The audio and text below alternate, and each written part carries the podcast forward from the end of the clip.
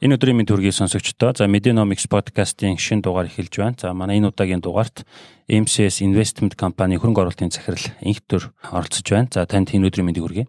Намаг энэ подкаст оруулж байгаад баярлаа. За баярлалаа. Тэгэхээр бид өнөөдөр critical mineral буюу чухал ашигт малтмал газрын авар элемент за сэргээгт хэрчим хүчний чиглэлд дэлхийд тренд хаашаа яваад байна. За үүнийг бас Монголтой холбож авч үзэх юм бол ямар боломжууд байгаа талаар бас зарим нэг судалгааны тоо баримтад түшиглээд бас гол мэдээллүүдийг хүргэхээр одоо төлөвлөсөн байгаа.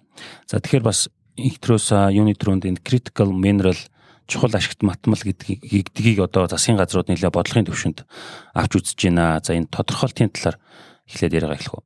Э, ер нь бол чухал ашигт малтгал critical mineral гэдэг нь засгийн газрын бодлогын төвшөнд тухайн улсын одоо технологи болон өдөр тутмын үйл ажиллагаанд хэрэгтэй одоо ашигт малтамлууд. А мөн тэр ашигт малтамлууд нь тухайн улсын нөөцийн хувьд эрсдэлд орох боломжтой гэж одоо үзэж байгаа тийм элементүүдийг ер нь тийм листэнд оруулж тийм засгийн газар бодлогын төвшөнд илүү анхаарч одоо бусад одоо өөрсдийн улсад байгаа одоо энэ нөөц боломжоо яаж ашиглах вэ бусад улсуудад яаж хамтрах вэ гэсэн бодлого гаргахад илүү том төвшөндөө чухалчилж авч үзэж байгаа үзэхэд хэрэгтэй гэж үзээд энэ листэнд оруулаад ер нь ингээ гаргаж явж байгаа. Тэгээд энэ улс болгоны төвшөнд одоо өөр өөр байдаг.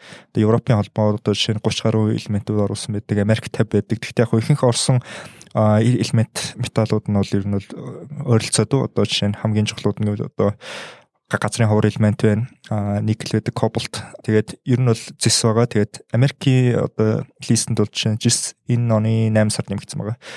Тэгэхээр энэ ер нь бүгд ихэнхийг харахад бол бүгд бол ер нь эрчим хүчний одоо шилжилтэнд хэрэгтэй тийм металлуудыг дийлэнх нь оруулсан байгаа. Тэгээд мөн семикондуктор болон өөр бусад нөгөө өндөр технологитой холбоотой тэнд хэрэглэгдэх тийм ховор чухал нөөц багтаа металлуудыг мөн оруулсан байдаг. Тэгэхээр Америк дөнгөж энэ 8 сард л одоо зисийг нэмлээ гэдэг нь одоо зис нийлүүлдэг одоо оюутлогоо гээд том төсөлтөй Монгол улсын үед одоо чухал санагдаж байна л да. Тэгэхээр энийг ямар байдлаар харж байна?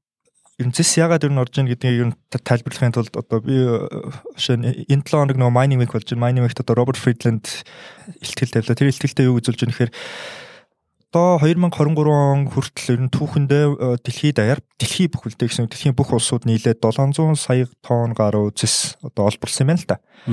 Энэ ч одоо хэдэн мянган жилийн процесс. Тэгээд дийлэх нь бол өмнөх 100 жил 200 жилийн хугацаанд болсон баг. Тэгтээ яг одоо тийм хэмжээний зис одоо олборлж боловсруулсан байдаг. Тэгэхэд дараагийн 22 жилийн хугацаанд энэ хэмжээтэй адилхан одоо зисийг дахиж боловсруулнаа хэрэглэнэ гэж. Тэгэхээр түүхэндээ одоо ийм их хэрэгэлсэн юм яг дараагийн 20 20 жилийн дотор одоо хэрэглэнэ гэдэг бол асар том хэрэглээ болж байна. Тэр нь яагаад вэ гэвэл зэс бол одоо бүх одоо дид бүтцэд ордог юм одоо цахилгааны утсанд орно. А эрчим хүчний үүсрүүдэд орно тий. А тэгээд энэ дид бүтцэд орж байгаа юм нь яагаад өсөж байгааг бол нэгт яг мэдээж хүн амын өсөлт байна тий. Одоо хүн амын өсөлт хотчлт бол үргэлжилж байгаа. Одоо энт улсууд жишээ нь одоо эрчимтэй явж байна тий. А тэрнээс гадна бүх өмнөх одоо 100 жилийн дэд бүтцүүд одоо шинчлэгдэж байна. Энэ юу гэсэн үг вэ? Цахилгааны одоо шугам сүлжээ илүү смарт грид рүү шилжиж байна. Америкийн холбооноос хятад а мөн цахилгааны их усрууд одоо илүү сэргээгт рүү шилжиж байна. Одоо салхин станц шинээр барьж байна. Нарны станц шинээр байгуулж байна. Мөн машинууд бензин машинаас одоо цахилгаан машин руу шилжиж болж байна. Эдгээр бол бүгд ингээд зэсийн хэрэглээ өсөж байгаа. Тэгээд зэсийн хэрэглээ энэ бүр яга өсөж байгаа нэг шалтгаан бол одоо жишээ нь жирийн машин одоо бензин машинаас цахилгаан машин бол дөрөв дахин хэсэг хэрэглэдэг байна. Ганц хэсээс гадна бусад одоо металл одоо кобальт литиум батарейнд хэрэгжилж байгаа. Эдгээр нь оролцуулаа үзээ тооцохоор жирийн машинаас бол цахилгаан машин бол бараг 6 7 дахин их металл хэрэгжилж байгаа. А салхин станц, нарны станц төр мөн адилхан зэсийн хэрэглээ жирийн одоо 1 мегаваттаар нь харьцуулж үзэхэд нүүрс болон одоо газын станцаас харьцуулахад хамаагүй их зэс хэрэгжилж байгаа. Тэгэхээр нэг адилхан төвшөнд нь зүгээр одоогийн бүх дэд бүтцийг илүү нүүрс хүчний хий баг ялгарлахаар солиход сэрглээ одоо бусад одоо энэ саяны хэлдэг ховор металл болон чухал элементүүдийн хэрэглээ огцон өсөж байгаа тийм 2-3 дахин. А тэгээд нэмээд мэдээж хүн амын өсөлт болон одоо эрчим хүчний хэрэглээ одоо бусад одоо үйлдэл үйлдвэрчлээс хамаарал өсөж байгаатай хамаарлаа тооцоо үзвэл ингээд ирээдүйд ингээд байгаа. Энэ яг эрчим хүчний одоо сурлагдсан хүчин талаар нь ярил дэлхийд дээр одоо 8500 8500 гигаватт сүрлэгцэн эрчим хүч байна. Тэгээ Монгол бол 1.6 гигаваттыг одоо сүрлэгцэн гэж үздэг. А хятад улс хамгийн том нэг 2300 гигаватт гаруй байдаг. Тэгээ энэ бол дараагийн одоо 2035 гэхэд бараг 2 дахин өснө гэж байгаа. А саяны хэлсэн тооны одоо сэрдэгчим хүчний хувь нь бол нэг 2000 гигаватт дэлхийд дээр яг нэг сэргэтгч мөчнө гэж үзэж байгаа. Тэгээ энэ тоон бол дараагийн одоо 2050 гэхэд нөө net zero доктортой хөгжлийн зорилтонд хүрэхийн тулд нийт сүрлэгс хүчин чадлын бараг хагасаас илүү сэргийгдэх болно гэдэг бол одоогийн сэргийгдэх хүчний 2000 гигаватт гэдэг тоо бол 8000 ч юм уу тийм болно гэсэн үг те энэ бол өчнөө мянган одоо шин салхин станц байгуулахад өчнөө мянган нарны станц байгуулах хэрэгтэй гэсэн зорилт байгаа. А хятад улсыг сая авч үзэх 2300 гигаватт сүрлэгцийн хүчин чадалтай гэсэн тэрний тэр бол жилдээ нэг ойролцоогоо 200-аас 300 гигаваттын одоо шинээр эрчим хүчний өсвөр нэмж байгаа одоо нүүрс сэргээх цөмийн гэх мэтээ. А сэргээтгэхийг бодж үзэхэд 120 гигаваттыг жилд нэмж. Тэгэхээр энэ бол Монгол сая 1.6 гигаватт гэсэн бол одоо Монголоос 100 бараг 100 дахин том тийм сэргээтгэх зөвхөн 100 дахин томор нэмж те. Нэг 60-аас 80 сая улстай хөгжсөн улс гэвэл хөгжсөн улс Солонгос одоо Итали, Франц гэх мэт улсууд нэг ойролцоогоо нэг 100-аас 120 гигаваттын сүрлэгс эрчим хүчтэй байдаг. Тэгэхээр жил болгон Хятад улс одоо Франц эсвэл одоо Солонгос эсвэл Итали шиг хэмжээний э, цахилгааны их усрыг сэрэгдэхээр зүгээр байгуулж байна гэдэг бол асар их тийм том тоонууд байна шүү дээ. Тэгэхээр ирээдүйд одоо ингээд улам их энэ хэрэглээ нь өсөхөд сая хэлсэнчлэн зэсийн хэрэглээ чухал элементүүд бүгд дагаа өсгөр. Тэгэхээр э, том зургаар харахад бол цаашдын тренд дээр бол нэлээд анхаарал татж байна л да. За яг Монголтой холбоод би арай нэг э, компани төсөлтөй холбоод ярих юм бол би сая баруун Австралид одоо очиж Rio Tinto-гийн Gуда Dairy уурхад бас танилцах юм боломж гарсан. За тэр уурхаа өөрөө цахилгааны цахилгаан эрчим хүчнийхээ хэрэгцээний 65%-ыг бол ийм нарны цахилгаан станцаас хангаж ирсэн. За тэр нарны цахилгаан станц дээр нь очихоор бол за 80 мянган тийм нарны автон суйрлуулсан. Одоо Rio Tinto бол тэндээ одоо уурхануудынхаа эрчим хүчийг одоо сэргийтгэхийг хөөсрөөс хангахад бол тодорхой хөрөнгө оруулалт хийгдсэн нь бол харагдаж байгаа. Би өөрөө бас Rio Tinto-гийн тузын дарга Доминик Бартонтой ярьцлага хийсэн энэ 7 дугаар сард аа тэгээд оюутлогоо уурхайг одоо Монголоос одоо эрчим хүчээр нь хангах асуудлаар хөндөд манайх жогон 5 толгой түшглээд одоо нүүрсний цэцлэгийн станц барих төсөл зөндөө олон жил яригдсан. Тэгээ энэ талаар энэ талаар одоо Rio Tinto-гийн тузын дараагаас асуухад бол хариултдаа илүү сэргээгдэх их усүрийн боломжийг илүү чухалчилж ярьж исэн л да. Тэгэхээр Монголын одоо нуулуурхаан томоохон төслүүд цаашдаа сэргээгдэх их усүрээс эрчим хүчээ авдаг байх энэ боломжууд одоо улам нэмэгдээд байгаа юм болов уу? Одоо саяны чиний ярьдаг дэлхийн трендийг харсан ч тэр энэ дээр чи ямар бодолтой байна? Ер нь бол одоо салхин станц бол нарны станцын одоо 1 мегаваттаар байгуулах зардал нь бол жил болгон тогтмол буурж байгаа. Энэ бол яга буурж байгаа гэвэл нэгт бол технологи сайжирч байна. Хоёр талаар яг илүү хэмжээгээр үйлдвэрлэдэг болохоор нөө economy of scale гэдэг тэр одоо сэргэтгч хүчний эдэнгийг үйлдвэрлэж байгаа компаниудад нэг журтгийг багаар үйлдвэрлэх боломжтой болж байгаа жил болгон. Тэгэхээр ингээ өртөг нэлийн буурж байгаа. Тэгэхээр өртөг буурж байгаа гэдэг бол ингээ тодорхой хэмжээнд ингээ станц өрөхөд бол ингээ эдийн засгийн өрөг өөрчлөлж байгаа. А тэгэхээр хамгийн чухал юм нөгөө нэг уул уурхаа гэдэг бол зогсолтгүй ялангуяа явах хэрэгтэй уул уурхаанууд байдаг. Зарим магадгүй уул уурхаа бол нэг тодорхой үйл ажиллагаа явуулж зогсож болох те дунд нь ингээд нэг үйл ажиллагаа төр хааж болох тийм уул уурхаа байдаг бол а цэцсийн одоо үйлдвэрлэл буюу одоо ялангуяа босруулж байгаа тийм одоо уулуурхаа болон үйлдвэрийн процессыг бол зогсолтгүй 24 7 явж явах хэвээр. Тэгэхээр энийг тооцож үзвэл бол цахилгааны их үүсвэр нь бол найдвартай байх хэвээр.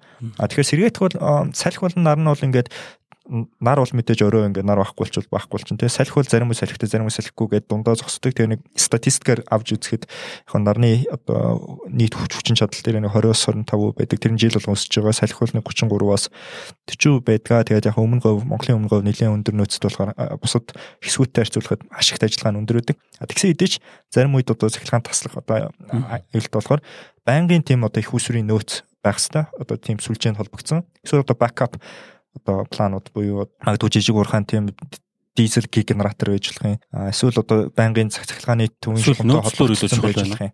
А мөн нөөцлөр байгаа. Тэгээ нөөцлөрийн хувьд бол мөн батарейны технологи хөгжиж байгаа болохоор энэ бол ирээдүйд яг уу одоогоор яг бүр том хэмжээний үйл ажиллагаанд зориулсан батарей байгуулыг бол асар их одоо мөнгө ороод үр ашиггүй байж магадгүй. Гэхдээ ирээдүйд үнс үн нь одоо нэг журтгийн үн бууруул энэ бас боломжтой болно. Тэгээ үүнээс гадна саяны хэлдгээр нөгөө нэг төв төвийн шугамтай холбогдсон одоо зарим үед нь төвийн шугамаас цахилгаан авчдаг. А өөр одоо дизель генератор, газын генератор ч юм уу тийм дүү юмудтай холбогдсон байвал яг байнгын тэгж холбох боломжтой. Австралих бол ихэнх газын станцууд болон газын генератортой холбогдсон байдаг гэж би сонсч ирсэн байна. Одоо сэргийгч юм чээр үйл ажиллагаа болж байгаа урханууд.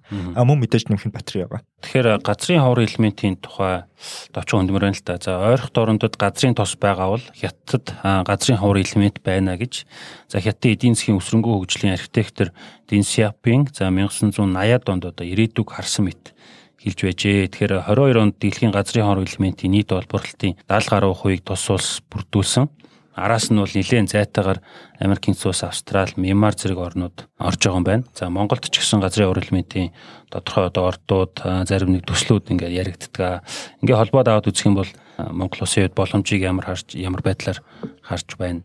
Газрын ховор элемент гэдэг нь нэг элемент биш 17 нийт элементээс дох бүрдсэн тийм одоо earth-ийг хэлдэм билээ. Тэгээд энэ болохоор яг яг ховор элемент нь яг бүр амар ховрдоо биш. Ягаад гэвэл ховор гэж тодорч байгаа нэхэр нөгөө нэг 1 тонноос гаргаж авах хэмжээ нь ихэнх газруудад маш бага байдаг. А хятад бол одоо 1 1 тонноос гаргаж байгаа хамгийн өндөр тийм уурхаанууд байгаа. Америк, Австрал мөн тодорхой хэмжээнд байдаг.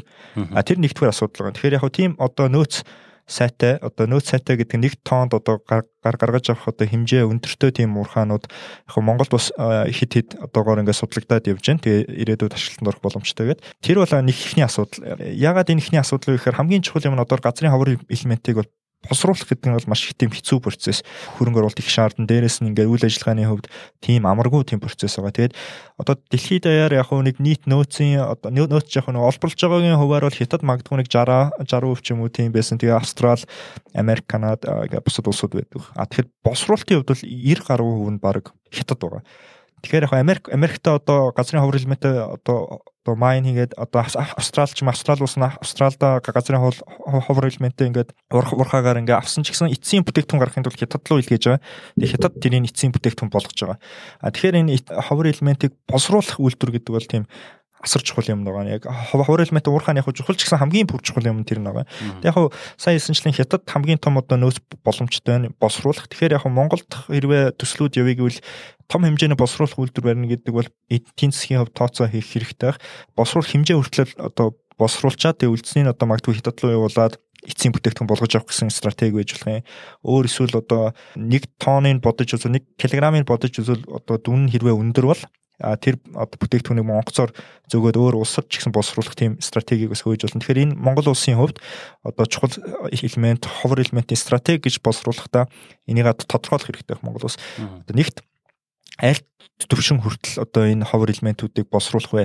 А зүгээр одоо гаргаад одоо эцсийн байдлаар нөгөө нунтаг маягийн багсгаад одоо 1 тоннд одоо тэр чинь Монгол хэдүү байдیں۔ Хятадынхт 4-өөс 6% байдаг гэсэн Монголын магадгүй нэгээс 3 арай жоохон бага байдаг бах. А тэгтээ илүү сайн уурхаар гарсан ч гэсэн ер нь бол 4 5 10% гэдэг чинь бас л багтан болохоор энийгээ баг 50 60% хүртэл нунтаг боловсруулах тийм хэрэгтэй. А тэр боловсруулсан бүтээгдэхүүн бүр эцсийн 100% болох бол бүр маш нарийн тийм технологи болохоор энийг хаана хийх үү гэдэг асуултанд бас өөрсдөө хариу өгөх хэрэгтэй. Одоо яаж илгээх үү? А тэгээд хэрвээ тийм стратеги гаргachвал энэ ихнээсээ хөрөнгө оруулж байгаа хүмүүс ойлгомжтой ингэж ингэж боловсруулад энэний дараа ишээ илгээгээд энд эцсийн бүтээгдэхүүн бол энэ худалдан авч явах юм байна. Тийм стратегийг улсын түвшинд магадгүй гаргаж ирэх хэрэгтэй байх. А тэгээд хөрөнгө оруулагч нарт одоо ийм юм төслүүд нь байна ингээд энд энд ингэж явна гэсэн хөрөнгө оруулалтын бодлого ярих багт. Яг энд нэг сонирхолтой дурдах нэг ховор элементүүд дунд ер нь ягаад ховор элемент гэдэг яг сая ярьлаа. Тэгээ яг энэ дунд бас юунд хэрэгэлдэг вэ гэдэг жишээ неодиум гэдэг ховор элементийг сонирхолтой. Яг бол энэ бол ингээ байнгын одоо юу гэдэг юм лээ. Соронц хийдэг. А тэгээ соронц э, юунд хэрэгтэй байна гэвэл одоо сэрет сэрет гэрчмч биш зүгээр цахилгаан мотор бол одоо тийм байнгын соронцтой э, юу хэрэгтэй тэндээ цахилгаан гүйдэлгүүлгэж одоо турбин нэргдэг. Тэгэхээр бол ингээд өмнө бензиний юунууд бол ингээд шаталтаар эргүүлдэг байсан бол одоо тийм цахилгаан одоо машины мотор сэргээгдэхийн одоо юу салхин станцын моторууд бол ийм одоо сорон сойжээж ажиллана. Тэгэхээр ингээд энэ ингээ ялтшгүй сэргээгдэх юм уч цахилгаан машины одоо хэрэглээ нь хамгийн хэрэгтэй зүйл байгаа. Ирээдүйд. Тэгэхээр энэ улам ихсэн гэдэг бол ингээд энэний одоо юу нөөц боломж боломж энийг одоо илүү яаж боловсруулах ийм уурхаан хаана байна энэ уурхаан бүтээгдэхүүнийг хэрхэн босруулж тэр эцсийн одоо магнит сорон зүртэл үйлдвэрлэх үү гэдэг асуудал бол ирээдүйд улам их тавигдах байна. За тэгэхээр газрын аврал элемент гэж ярьлаа, critical mineral гэж ярьлаа. Мэдээж одоогийн эрэлтийг хараад үзэхээр за бодлогын орчноо хараад үзэхээр бол эрэлт нь өсгөр байна гэж одоо харагдаж байна л да нэг талаас яг амархан дүнэлттэй байж магадгүй. Гэтэ green wash гэдэг юм уу яг ингээд нэг тийм хандлагыг дагаад ирэхээр ингээд нэлээ зөрүүтэй мэдээлэл гарч эхэлдэг ч гэдэг юм юмнууд байдаг. Гэхдээ энэ дундаас яг хуу өөрөө хөрөнгө оруулалт хариуцаад ажиллаж байгаа хүний хувьд энэ чиглэлд одоо хөрөнгө оруулалтын компаниуд гээд аваад үзвэл хөрөнгө оруулалтын боломжууд ямар байдлаар харагдаж байна? Хөрөнгө оруулалт сонирхолтой яг илүү хувьцаат компани сонирхолтой сонирхлоо гэхэд одоо зэсийн компаниуд бол нэлээд одоо сонирхолтой байдаг. Тэгээ зэс бол ингээ өөрөө ингээд сая хэлсэнчлэн одоо өмнөх бүх түүхэнд хэрэгжилжсэн зэсийг дараагийн 20 жил хэрэглэж байгаа. Тэгээ нөөц болч нь бол бага байна. Зэсийн уурхай гэдэг бол өмнө бол яг ил уурхаагаар зэсийн уурхайг илүү хурдан хугацаанд хийдэг гэсэн бол одоо ил уурхай нөөцүүд дэлхийд даяар бол бүгд ихэнх нь олцсон хэрэглэгдээд нөөц нь багасж байгаа. А тэгэхээр дараагийн засгийн нөөцүүд бол 70 дурхагаас гарч ирнэ. А тэгэхээр 70 дурхаг гэдэг бол нэгт үйл ажиллагаанууд одоо маш тийм олон жилийн төлөвлөлт хэрэгтэй, хэцүү процесс, хөрөнгө оруулалт их хэрэгтэй. Одоо манай оюутлогоос авч үзэхэд жишээ нь 2001 онд яг хөө тэр анх олсон гэснээс хойш хөрөнгө оруулалтын гэрээ 2009 10 онд байгуулагдсанаас хойш явж явж явж одоо 70 дурхаа дөнгөж эхлэлийн шатанд ярьж байна. Тэгэхээр 10-аас 20 жил ингээд нэг уурхаад болж байна. Тэгээ энэ бол ингээд ганц оюутлын жишээ жишээ бус бусад уурхаанууд ийм 10-аас 20 жил болж байгаа. Тэгэхээр ирээдүйд одоо жишээ нь 2050 он гэхэд одоо зэсийн хэрэглээ одооноос 2 дахин өссөөд гарлаа гэхэд нөөц бололцоогоор нэг тооцсон судалгаа үзэхэд 5-аас 10 сая тонны бараг дутагдалд орно гэж байна зэсийн. Энэ юу вэ гэхээр оюутлогоо одоо оргил үе дээр бол 500 мянган тонн цэвэр зэс яг цэвэр зэсийн хэмжээр нь 500 мянган тонн гарна гэж бол оюутлогоо шиг 10-аас 20 уурхаа хэрэгтэй гэсэн үг. Тэр ийм хэмжээний уурхаа олж илрүүлээд ашиглалтанд ялангуяа оруулна гэдэг бол саяны хэлсэнчлэн 10-аас 20 жил хэрэгтэй гэж үзвэл энэ бол ингээд энэ одоо секторт бол ингээд supply буюу одоо нийлүүлэлт талын хомсол яг орох тийм магадлал өндөр байна. Тэгэхээр энд ингээд хөрөнгө оруулалтууд илүү хүмүүс сонирхох бах, илүү хүмүүс гэдэг нь илүү их компаниуд энийг сонирхох бах. Тэгээ компани гэдэг нь ганц уулуурхан компани ш. Одоо цахилгаан машин үйлдвэрлэж байгаа компани, сэргэдэгч хүчний тоног төхөөрөмж үйлдвэрлэж байгаа компаниуд өөрсдөө уурхаа баг хамтарсан одоо уурхаад хөрөнгө оруулах тийм юм л байх. Мөнгө уулуурхан том компаниуд машин саяны сэргэтгийн төхөөрөмж үйлдвэрлэдэг компаниудтай хамтрах эсвэл магадгүй өөрсдөө энэ юу л бизнес рүү ч орж магадгүй. Тэгэхээр энэ бол ингээд засаг зээл нь томорж байгаа одоо ирээдүйд энэ хэрэгтэй гэж үзэж байгаа доктортой хөгжлийн зорилтонд төрүүлж одоо хүлэмжийн хийх ялгалтыг бууруулах гэсэн зорилтонд бүх улсууд нэгдэж байгаа дээр одоо энийг хийхээсээр аргагүй болохоор энд хөрөнгө оруулалт орох баха. Тэгэхээр зэсийн үн яг яг одоогийн төвшөнд бол ингээд 8000 долларыг хавцаа байна. Тэр нь бол ингээд 2019 оноос л өссөн байна. Аа тэгвэл 20 2021 онд 11 хүрчээснээс буурсан. Тэгэхээр дараагийн 10 жил тэрвээ энэ нөхцөл байдлаараа үргэлжлүүл одоо эрэлт нийлүүлэлтийн хуулиараа яг өсөхтийн болцоо байна гэж харагдаж байгаа. Аа тэгэхээр ингээд энд ингээд э, үн өсвөл одоогийн одоо зэс үйлдвэрлэж байгаа урхаануудын ашигт ажиллагаа өснө. А шинээр зэс хайж байгаа компаниуд хөрөнгө оруулалт татах боломж нь өснө. Тэгэхээр энд нэг том одоо боломж байж магадгүй гэж хуваар би боддیں۔ А тэгээ энэ Монгол улсын хувьд ч гэсэн нэлээд тийм бас нэг одоо таатай нөхцөл бүрдүүлж байна. Одоо өмнө бол ингээд бензин бол ингээд газрын тос бол ингээд гол одоо дэлхийг хөдөлгөгч хүч байсан. Газрын тосны зах зээл одоо 2 их 80 доллар гэдэг. А бусад хамгийн их хэрэгэлдэг 10 металл нийлээд 1 их 80 доллар үрж байгаа. Тэгэхээр газрын тас өөрөө ингээд бусад бүх металлууд 10 том металлыг нийлүүлснээс 2 дахин том байгаа. Зэс өөрөө 200 тэрбум долларын зах зээл гэдэг. Тэгэхээр ингээд яг энэ ирээдүйд цахилгаан машинууд үүсээд ирвэл одоо цахилгаан машиныг явуулж байгаа тэр одоо зэс дотор орж байгаа металлууд бол шинэ одоо төлш болох юм аа. Тэгэхээр ингээд үзүүл ингээ хөрөнгө оруулалтууд илүү их орно. Тэгэхээр Монгол улсад одоо Роберт Фридланд ярианда хэлсэн байсан. Нэг том хэмжээний урхуул дангаараа ер нь бол байдгүй. Ойролцоо хэсгүүдэд бол адилхан хэмжээний юм. Адилхан биш юмаа гэхэд нэг тодорхой жирийн одоо зэсийн нөөцөөс том тийм нөөц болцоонууд олдноо. Тэгэхээр энийг Монгол улс хайгуул хийж олох хэрэгтэй. А тэгж чадвал одоо зэс зэсийн хөрөнгө оруулалтыг сонирхож байгаа үед хөрөнгө оруулалт татах боломж байна. А тэгээд хөгжих боломж. Одоо Чил улс бол жишээ нь тэр уул дагуу нэлээх тийм адилхан төвшний уурхаанууд нэлээд олцсон. Нэг Чил бол одоо нэлээд том нэг хоёр уурхаатай. Тэрнээс гадна өчнөө одоо 10-аас 20 тийм жижигээс дунд хэмжээний сайн урхаанууд бас байдаг гэсэн. Тэр яг үнтэй адилхан юм зэсийн бүс бүхэлдээ үүсэх боломжтой. Тэгээ энэ бол ингээд Монгол улсын хувьд бол том ингээд дараагийн хөгжлийг авчих тийм хөрөнгө оруулалтын нөхцөл одоо үүсчихэд байна гэж харж байгаа. А мөн үүнээс гадна төмөр төмрийн хэрэглээ бас энийг дагаад адилхан байж байх бах одоо сэрэгдэгч юм шнэ одоо шинэ салхин станц байгууллаа гэхэд турбин турбин бол нийл төмрөөр хийж төмөр хийж гэнэ гэдэг чинь коксч нүүрс хэрэглэгдэнэ гэсэн үг. Тэгэхээр коксч нүүрсний бас зах зээл Монголд ингээд өөрөө одоо том зах зээл хിവэрээ ингээд үлдэх одоо магадлал сайн байна гэсэн үг. А мөн төмрөө цаашаа боловсруулаа явах тийм нөхцөл болцооч бас ирээдүйд байна гэж харагдаж байгаа. Тэгэхээр ганц яг үзээс сайн ясан чухал элементүүд биш одоо байгаа Монголын гаргаж байгаа коксч нүүрс бол төмөр төмрийн зах зээл гэсэн их тийм нааштай харагдж байгаа ирээдүйд. Тэгэхээр энийг ашиглаад одоо дараа дараагийн сайн нийлдгээр одоо бусад засгийн том уурхааг бол ховор элементүүдэд одоо ажиллах мөн магадгүй одоо юу Монгол улс өөрөө сэрэг төвчмийн нөөц сайтай одоо өмнөгөө одоо салхи болноор сайтай. Тэгэхээр төвчмөчний станцууд тэнд байгуулж болно. Тэрийг одоо дотооддоо хэрэглэх экспортыг. А үүнээс гадна нэгэнт одоо металл нь байна илүү ашигт малтмал нь байна. Сэрэтгч мөчийн нөөц нь байна. Тэгэхээр зарим нэг одоо энэ сэрэтгч мөчийн технологиг өөрсдөөс дотооддоо үйлдвэрлэх тийм боломж нь бас байх болов тэгвэл Монгол улс ингээд дараагийн үнцэнтэй value chain-ийн үед илүү их одоо үнцийг орсон тийм бүтээгдэхүүн үйлдвэрлэх тийм боломжтой болох юм болов гэж харж байгаа. Тэгэхээр маш сонирхолтой сонсогч юм л да. Аа батарейн чиглэлд аваад үзэхээр за нийт литиум батарейн 4-ний 3-ыг хятадууд за тэр дундаа Catl гэдэг компани BYD гэсэн хоёр компани үйлдвэрлэж байгаа юм байлээ. Тэгэхээр ер нь бол батарей үйлдвэрлэлийн чиглэлд одоо Tesla зэрэг одоо автомашин үйлдвэрлэгчтэй хамтардаг энэ одоо томоохон компаниуд дундаас Catholic CATL гэх компани байгаа. Энэ мэд компаниудыг бас нэлээд онцолж болохоор байна л да. За яг хуу одоогийн нөхцөл бид нэр иймэрхүү компаниудад одоо хөрөнгө оруулах хувьцааг нь авах ч гэдэг юм уу ийм боломж байгаа бах. Тэгэхээр энэ тал дээр та юу хэлэх вэ?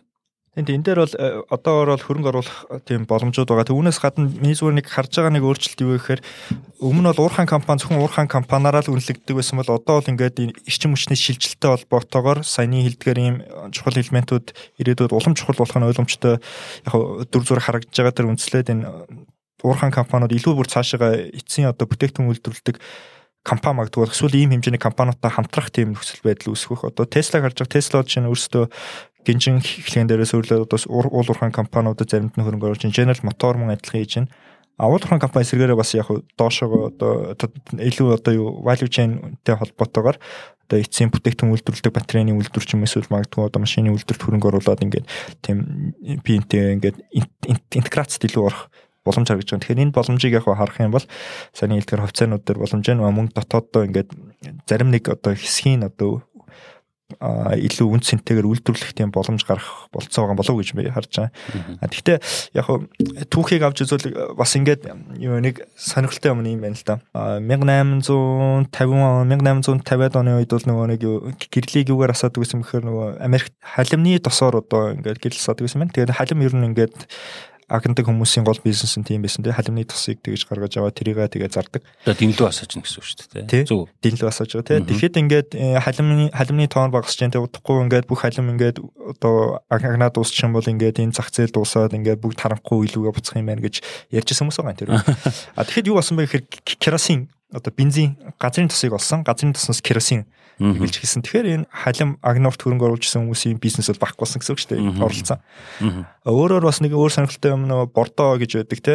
Бордоо болон дэслэх байц соёлоор яг гол хэрэгэлдэг юм найтроген нитрогенийг хэрэгэлдэг аммониаг ялангуяа хэрэгжилж байгаа. Нитроген өөрөө бордоо болдог. Тэгээ мөн дэслэх бодиснд хэрэгжилж болдог. Тэгэхээр 1870 он хүртэл бол ингээд 1870 1910 он хүртэл бол ер нь ингээд нитрогенийг бол байглаас нь олно гэдэг нь хэцүү процесс байсан. Тэгээд яг хуу Чилийн тэр хойд хэсэгт байрладаг натрогентэй тийм давстай уурхай байсан юм байна. Тэрийг бол нэлээд үнцэнтэй гэж үздэг. Тэгээ ягаад гэвэл 18 19 дугаар зууны сүүл үед бол Европ, Америкт хүн амсж исэн.